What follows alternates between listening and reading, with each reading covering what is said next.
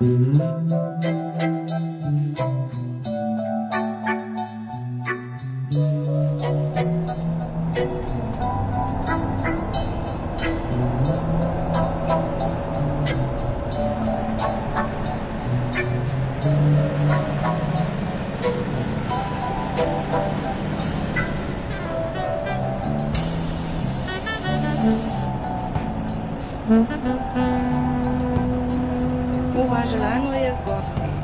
Dobro pożarować w Berlin. Ja желаю вам всего хорошего. Berlin am Alexanderplatz. Vor dem Haupteingang zum Forum Hotel ist gerade eine Reisegruppe angekommen.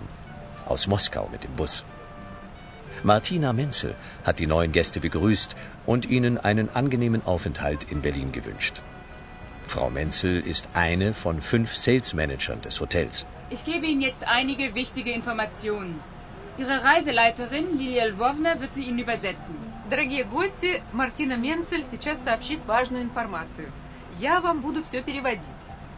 Hier in diesem Umschlag habe ich die Zimmerschlüssel für jedes Ihrer Zimmer in unserem Hotel. Diesen Schlüssel behalten Sie bis zu Ihrer Abreise. В этом конверте Die Begrüßung у меня ist nicht ключи nur eine от freundliche номера Geste, каждого из sie ist auch eine organisatorische Hilfe. Reisegruppen, die im Forum Hotel zu Gast sind, bekommen ihre Informationen und die Zimmerschlüssel direkt bei ihrer Ankunft.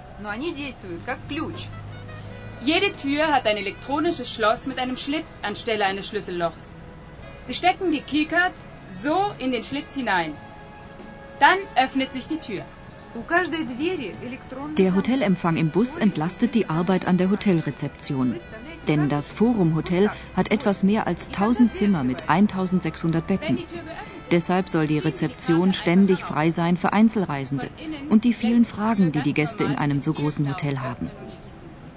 Карточка нужна вам только для того, чтобы открыть дверь снаружи. Und bitte, verlieren Sie diese Keycard nicht. Ich habe hier eine Liste mit den Zimmernummern für jeden. Lilia Lvovna wird Ihnen die Zimmernummern sagen und jedem die Keycard geben. Wenn Sie Fragen oder Probleme haben, wir sind immer für Sie da. Es gibt noch einige Fragen, Мартина. Вот, трeffe ich Sie. Ich bin nachher an der Rezeption. Gut, danke. Пожалуйста, не потеряйте вашу магнитную карточку. У меня здесь список с номерами ваших комнат. Я назову номера комнат и дам каждому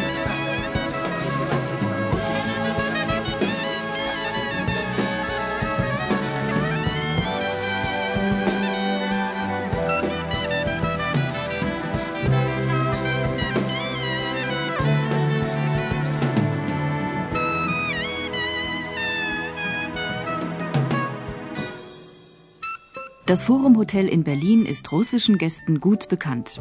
Als die DDR noch existierte, hieß es Hotel Stadt Berlin und hatte jedes Jahr etwa 100.000 Gäste aus allen Teilen der damaligen Sowjetunion. Heute gehört das Forum Hotel zu den in aller Welt bekannten Intercontinental Hotels. Es ist von Grund auf renoviert und ist heute eines der modernsten Hotels in Berlin. Im Forum Hotel ist man wegen der langen Tradition auf Gäste aus Russland und Osteuropa gut eingerichtet. Man kennt die Mentalität und die speziellen Wünsche. Viele der 220 Mitarbeiterinnen und Mitarbeiter sprechen Russisch und andere osteuropäische Sprachen.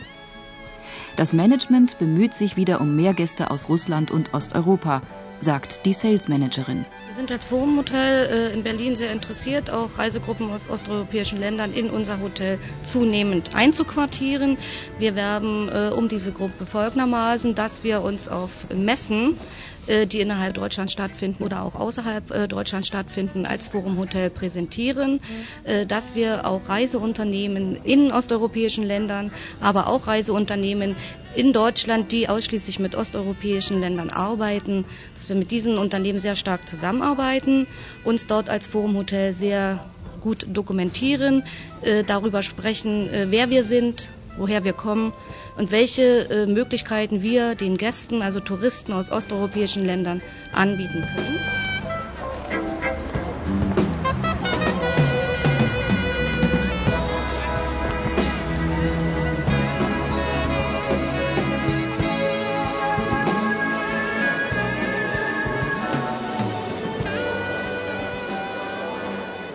Martina, Ja? hier ist ein Problem. Wir sollten eigentlich nur 20 Leute sein. Jetzt sind wir aber 24. Es sind zwei Ehepaare mehr. Oh, wie kommt das? Diese beiden Ehepaare haben ihre Visa erst vor wenigen Tagen bekommen. Im Bus hatte ich Platz genug. Und sie hatten auch das Geld. Also habe ich sie mitgenommen, aber vergessen, es hier bei Ihnen zu sagen. Naja, zwei Doppelzimmer mehr, das ist bestimmt kein Problem. Kommen Sie, wir gehen zum Schalter. Wo sind denn die anderen aus Ihrer Gruppe? Die sind mit ihrem Gepäck schon auf dem Weg zu den Zimmern. Die alten Leute sind froh, dass sie ihre Koffer nicht selbst zu tragen brauchen. Zu DDR-Zeiten lebte das Hotel Stadt Berlin von Gästen aus der Sowjetunion und anderen Comecon-Staaten. Mit den politischen Umwälzungen des Jahres 1989 brach dieses Geschäft total zusammen. Heute, als Forum-Hotel, wird ein Neuanfang im Reisegeschäft mit Russland gemacht. Das Hotel hat eine neue Organisation und eine neue Philosophie, um Gäste zu werben und sie zu betreuen. Die Vorbereitungen für die heute angekommene Reisegruppe aus Moskau begannen im Hotel vor sechs Wochen. Da traf ein Fax aus Moskau ein.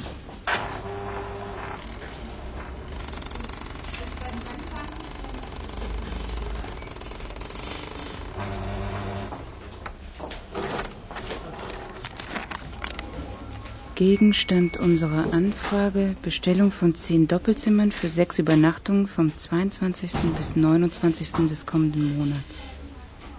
Zusätzlich zwei Einzelzimmer für die Reiseleiterin, sprich Deutsch und den Busfahrer. Anreise der Gruppe mit dem Bus am 22. Bitten um sofortige Bestätigung. Preis bis maximal 50 Mark pro Person. Hm.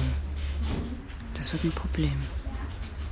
Anfragen dieser Art kommen oft auf den Schreibtisch der Verkaufsabteilung im Forum Hotel. Dabei geht es immer um den Preis. Das Forum Hotel ist bei Reisespezialisten für Russland und Osteuropa, bei Reisebüros in Moskau und anderen großen Städten bekannt als ein Haus mit gehobenem Standard, ein Drei-Sterne-Hotel. Die Angebote beginnen ja bekanntlicherweise immer beim Preis. Das ist eine der wichtigsten Fragen, dass wir besonders für die Touristen aus osteuropäischen Ländern einen besonderen Preis geben können, äh, da wir wissen, dass der Preis, der gegenwärtig bei uns im Hotel für touristische Gruppen angelegt wird, noch für osteuropäische Länder zu teuer ist. Wir kommen also da den Touristen sehr entgegen. Die Anfrage kam von einem Reisebüro, mit dem das Forum Hotel regelmäßig zusammenarbeitet. Um jetzt einen Spezialpreis anbieten zu können, will die Sales Managerin sich mit ihrem Chef abstimmen. Richter? Ja, Menzel hier. Guten Morgen, Herr Richter. Ich habe hier eine Anfrage aus Moskau. 20 Personen, Doppelzimmer für sechs Nächte, Ende nächsten Monats. Wir können Sie problemlos unterbringen. Das ist eine Woche ohne große Tagungen oder Messen. Aber die Agentur will maximal 50 Mark pro Person zahlen. Ja. Ich würde für exakt 50 Mark anbieten. Die Agentur will zusätzlich einen Vorschlag für ein Besichtigungs- und Kulturprogramm. Na, ich würde mal sagen, sehen Sie mal, was da so im üblichen Ja. Rahmen so drin ist. Äh, ansonsten können wir das auch Gut, ich wollte mich mit Ihnen abstimmen. Ich werde dann für 50 Mark bestätigen.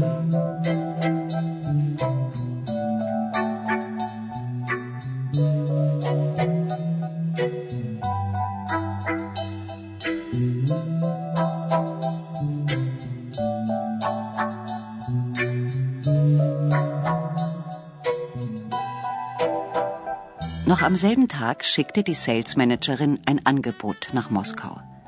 Mit diesem Angebot verpflichtet sich das Forum Hotel, zehn Doppelzimmer für den gewünschten Zeitraum zu reservieren, für 50 Mark pro Person, inklusive Frühstück. Das ist ein besonders günstiger Preis in Berlin für Reisegruppen in einem Drei-Sterne-Hotel. Aber aus Erfahrung weiß das Hotel, dass ein höherer Preis zu einer Absage durch das Reisebüro führen würde.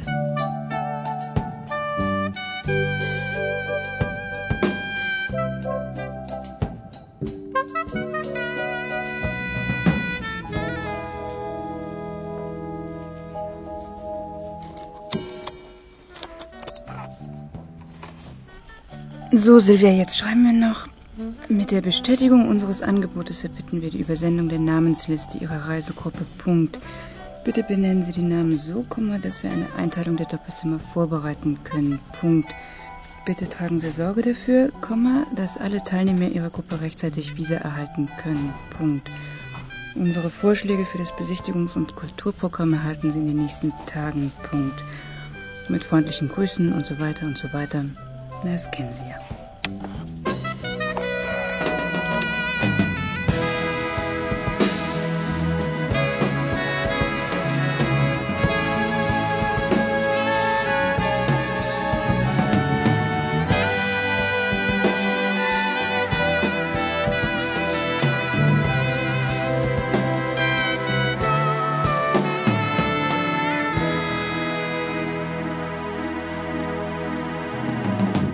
Eine Woche später traf im Forum Hotel die schriftliche Annahme des Angebotes ein.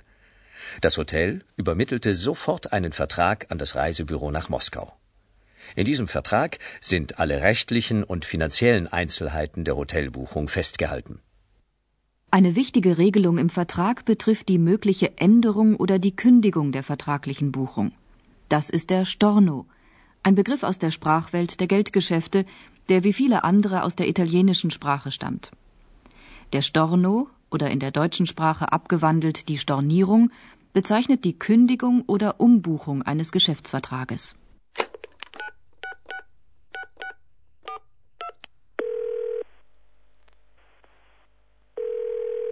Bering? Ja, Menzel hier. Kurt, ich habe jetzt alles für die Moskauer Gruppe komplett im System. Ihr könnt es ab sofort abrufen und bearbeiten. Ja gut, okay. Ja, schön. Danke. Okay, danke. Die Salesmanagerin bleibt verantwortlich für die Reisegruppe. Aber sie erledigt nicht alle Vorbereitungsarbeiten persönlich. Sobald der Vertrag unterschrieben ist und die Namensliste vorliegt, übernehmen andere Abteilungen im Hotel die restlichen Arbeiten. In der Buchhaltung wird die Rechnung an das Reisebüro in Moskau ausgestellt und überwacht, ob und wann die Bezahlung dieser Rechnung erfolgt.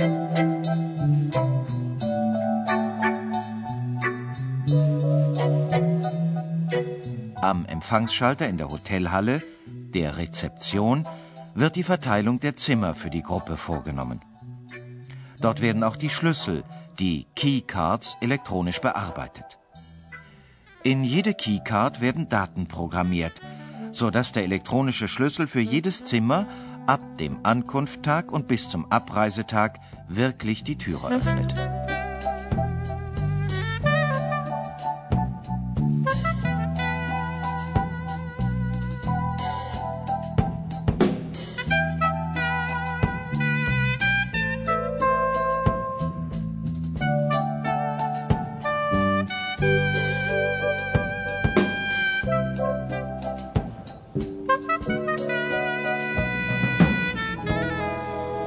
Lilia Lvovna, hier sind die Keycards für die Ehepaare Rosanov und Schotkin.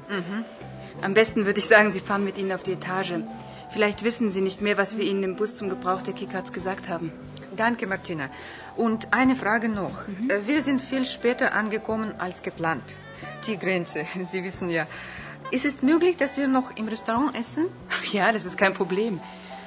Ich habe gehört, wir hatten noch zwei weitere Gruppen mit Verspätung.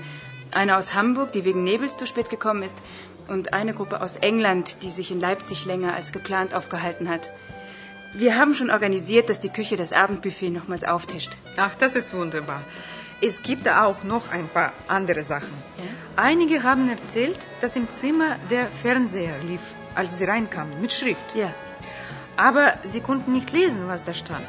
Sie fragen, ob das die ganze Nacht anbleiben muss. Nein, natürlich nicht. Auf dem Fernseher läuft unser Gästeinformationssystem. Leider können wir die Schrift noch nicht auf Kyrillisch auf die Bildschirme bringen. ja, ja, alles klar. Liebe Lvovna, der Eisstock im Zimmer ist ja voll mit Wässerchen.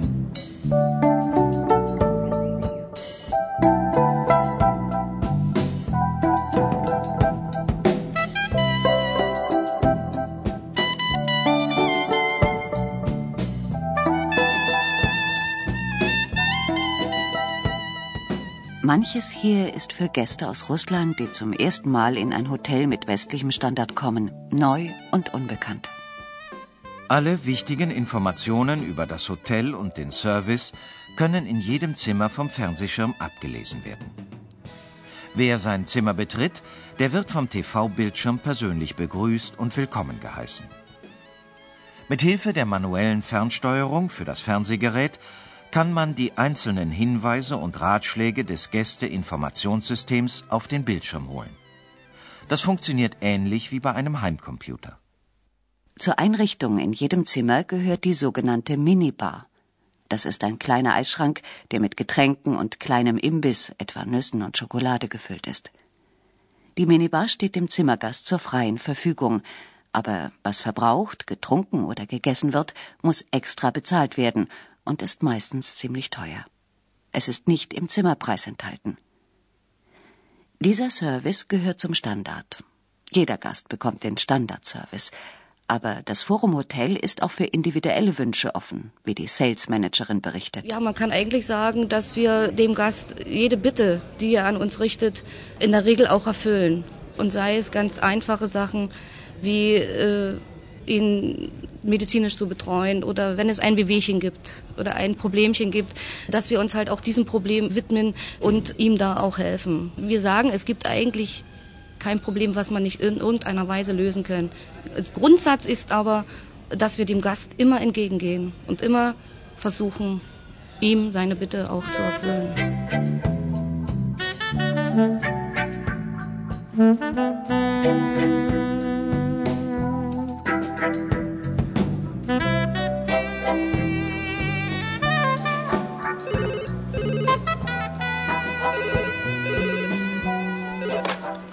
Ja, bitte. Ja. Moment. Martina, kommst du mal schnell? Hier, für dich. Ja, Menzel? Was? Feueralarm in 1738? Die russische Gruppe. Lilia Lvovna? Ja? War schon jemand da? Na, rufen Sie mich sofort hier wieder an. Danke. Was ist los, Martina? Wir haben einen Feueralarm in einem der Zimmer. 1738. Haben Sie die Liste dabei? Wer wohnt da? Moment, Moment. Das, das ist Viktor Evgenjewitsch. Das glaube ich nicht. Das glaube ich nicht. Ich muss sofort rauf. Aber bleiben Sie doch hier. Der Sicherheitsdienst ist ja schon oben.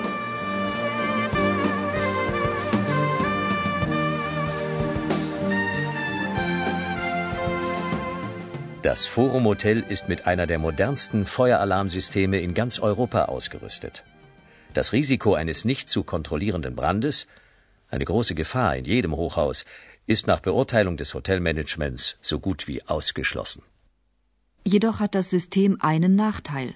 Die in den Decken installierten Rauch- und Feuermelder reagieren äußerst empfindlich. Ab und zu kann es zu einem Alarm kommen, ohne dass wirklich ein Feuer ausgebrochen ist. Martina, stell dir vor, falscher Alarm. Ja, ich weiß schon. Der Sicherheitsdienst hat mich schon angerufen. Hm, das passiert leider manchmal. Weißt du, Viktor Evgenjewitsch hat sich im Zimmer seine Pfeife angezündet, weil im Bus keine Pfeife geraucht werden durfte. Aber im Zimmer wollte er unbedingt seine Pfeife. Seine Frau hat schon geschimpft, äh, wie sagt man auf Deutsch, geschimpft wie, wie eine Rohrtrommel. Ach, wie ein Rohrspatz. Ah, ja, ja, ja, wie, wie ein Rohrspatz, Rohrspatz, das ist gut.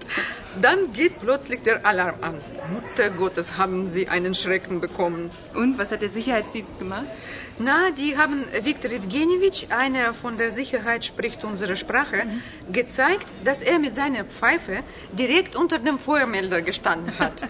Noch ein paar Züge mehr, haben sie gesagt. Dann wäre Wasser von der Decke gekommen. Ja, dann wäre vielleicht die Sprinkleranlage angesprungen und hätte Viktor Evgenjewitsch nicht nur die Pfeife gelöscht, sondern alles wäre nass geworden. Genau. Ах, da kommen sie schon. Виктор Евгеньевич, Елена, пойдемте, вы должны за такой ужас водички выпить. Ja, bitte kommen Sie, hier an diesen Tisch. Пожалуйста, сюда. Пожалуйста, к этому столу. Bitte entschuldigen Sie, aber wir sagen lieber zehnmal ein harmloser Feueralarm als nur einmal ein kleines Feuerchen. Пожалуйста, извините. Но мы говорим, лучше 10 Kleine раз Zwischenfälle обязательно sind in einem großen Hotel wie dem Forum an der Tagesordnung. Bitte setzen Sie sich. Ich rufe die Bedienung. Das Personal ist darauf eingestellt und hilft, wie sich die Sales Managerin erinnert. So einen Fall. Eine ältere Dame hat sich den Fuß verstaucht, wollte abends aber gern zum Ball gehen. Tanzen konnte sie allerdings nicht mehr. Wir hatten keinen Rollstuhl. Wir haben sie einfach auf den Bürostuhl gesetzt, in das Restaurant gerollt, an den Tisch ran. Wir haben sie bedient und so hatte auch sie einen netten Abend. Und so kann man sagen, ob das jetzt dieses Problemchen war oder jemand einen Knopf annähen oder mal kurz helfen beim Bügeln. Wenn es, wir es können und wenn es notwendig ist und wir danach gefragt werden, tun wir es.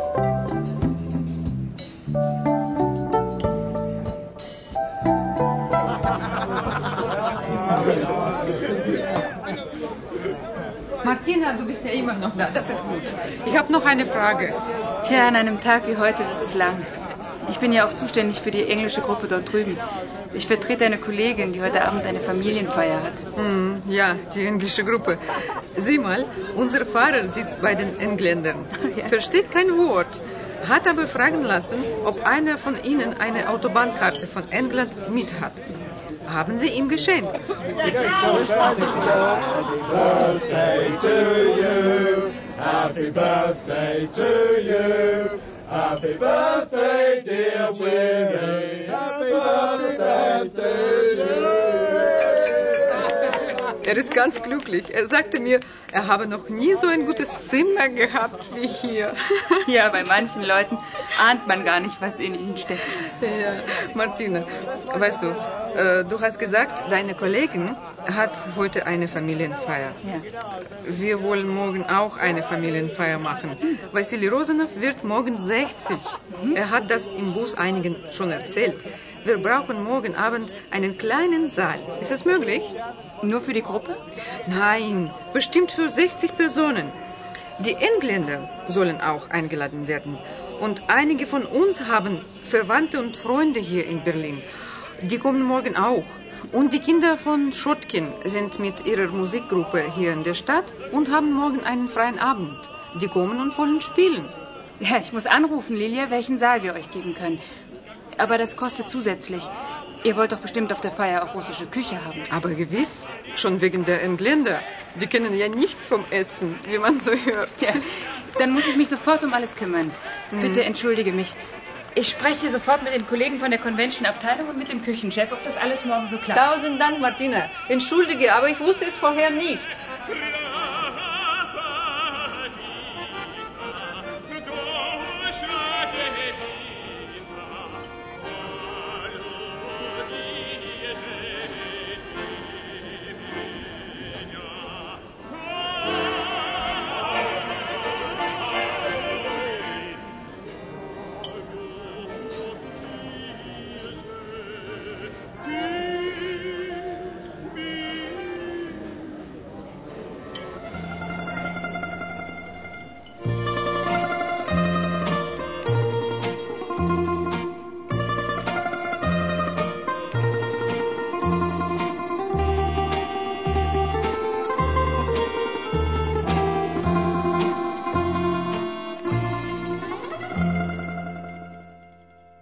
Natürlich klappte alles. Auch die Kostenfrage ließ sich klären.